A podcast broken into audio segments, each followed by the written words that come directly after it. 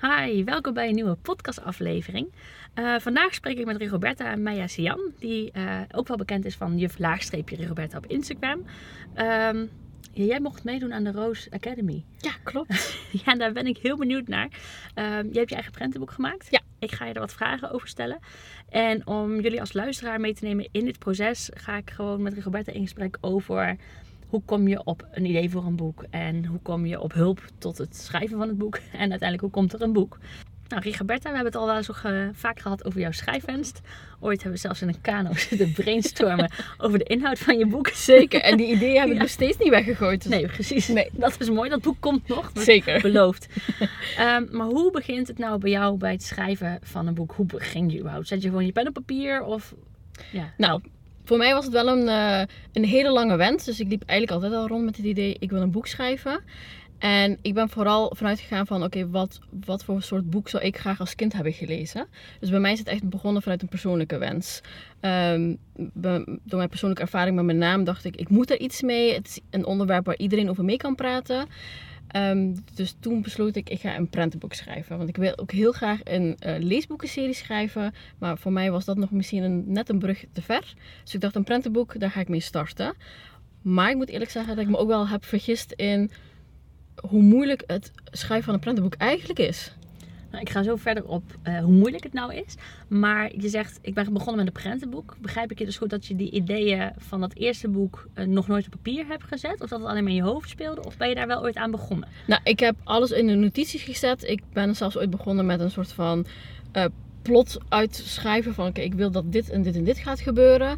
Maar toen merkte ik al dat ik het zo spannend vond en zo het gevoel had van ik weet eigenlijk echt niet wat ik aan het doen ben. Dat ik dat een beetje heb gelaten.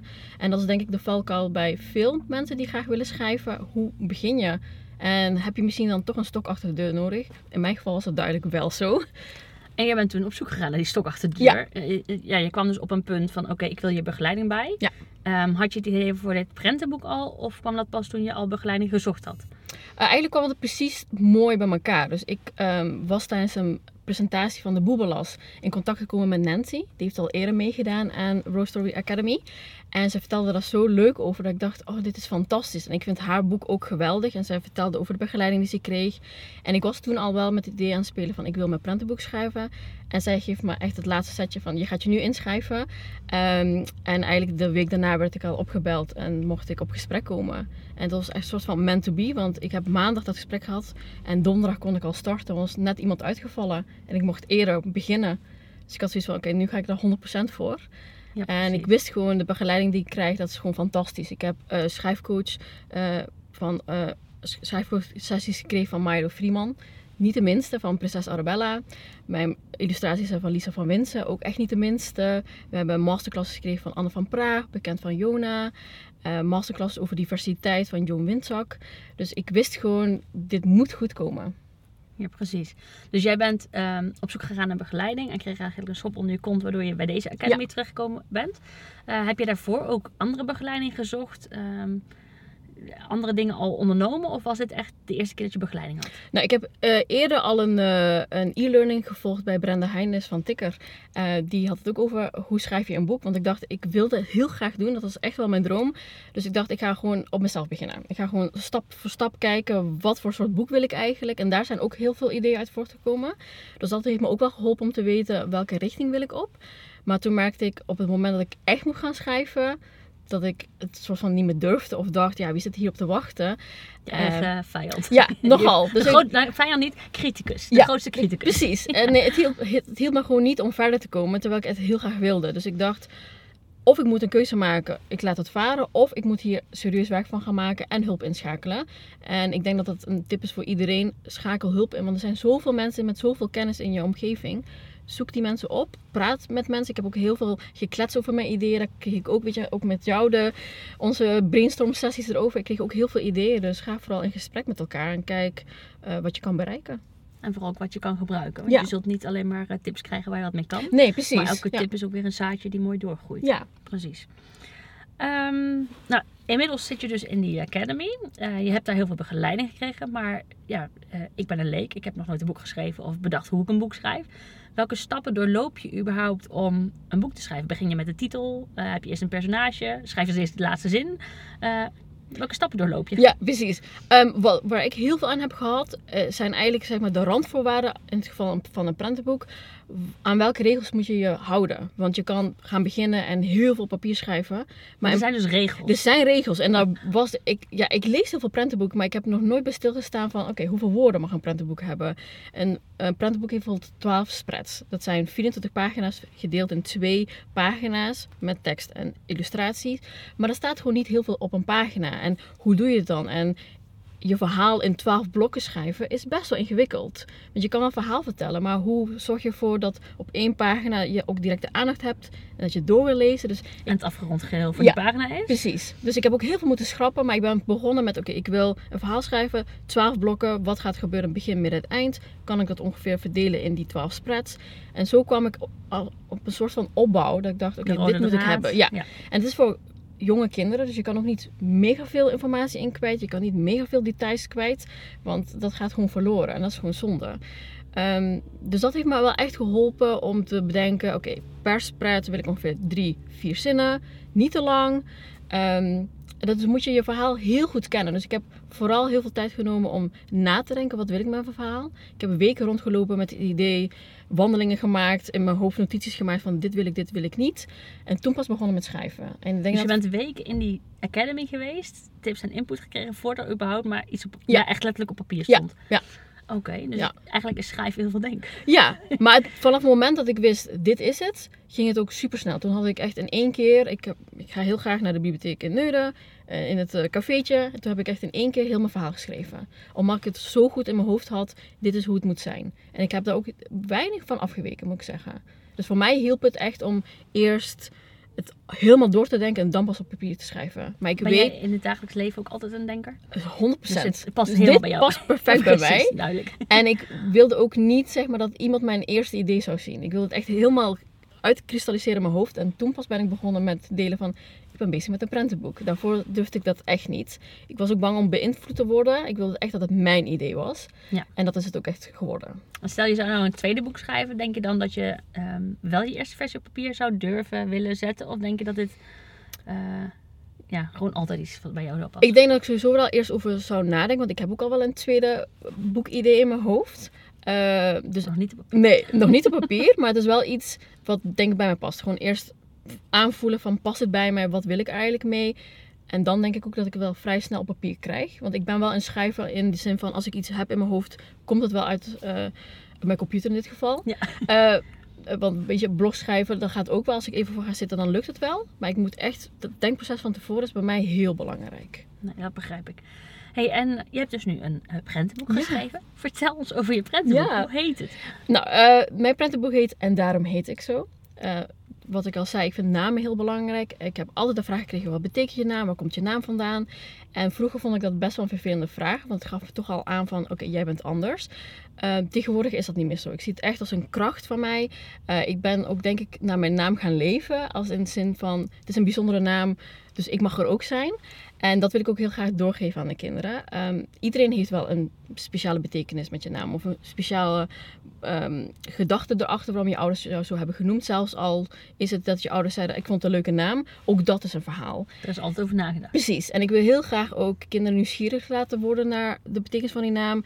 Kinderen aanzetten om na te denken over hun eigen naam. In gesprek te gaan met je ouders of met je leerkrachten. Dus het is echt een verhaal eh, waar iedereen over kan meepraten. Want, en het is ook een heel mooi stuk identiteit van jezelf. Waar je al op jonge leeftijd over mee kan praten en kan, mee kan beginnen.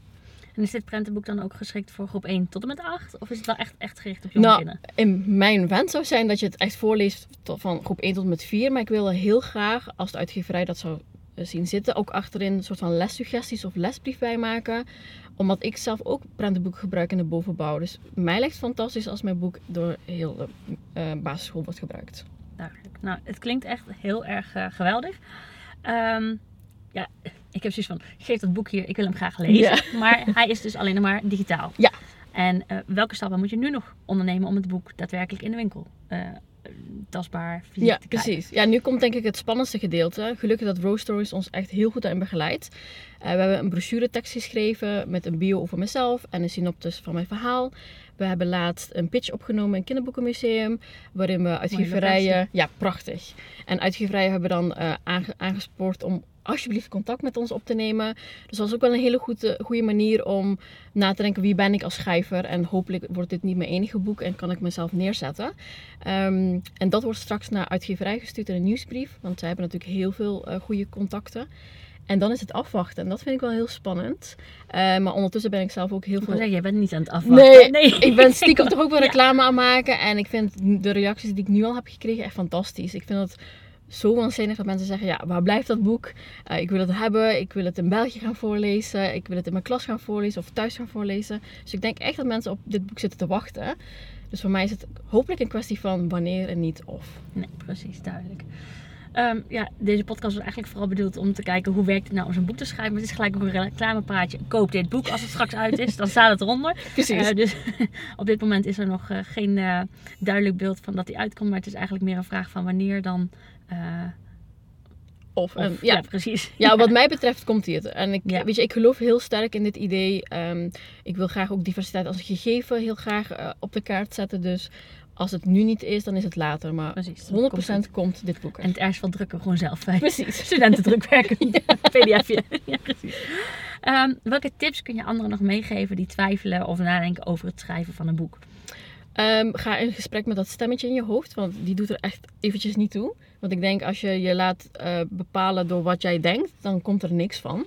Um, dus wees gewoon een beetje streng voor jezelf en ga er gewoon voor. En dan streng voor jezelf van niet zeuren doen. Precies. En niet streng voor jezelf nee, dat kan je niet. Nee, nee, precies. Luisteren naar de positieve dingen wat je hoofd je allemaal laat denken en niet naar de negatieve dingen. En als het echt jouw passie en droom is, dan komt er sowieso iets. Daar ben ik echt van overtuigd. Oké, okay, nou mocht je dus met een boekidee lopen, uh, Rigoberta zegt doen. Ja. En uh, ja, mijn advies is, uh, hou Rigoberta in de gaten voor alle boeken die uitkomen.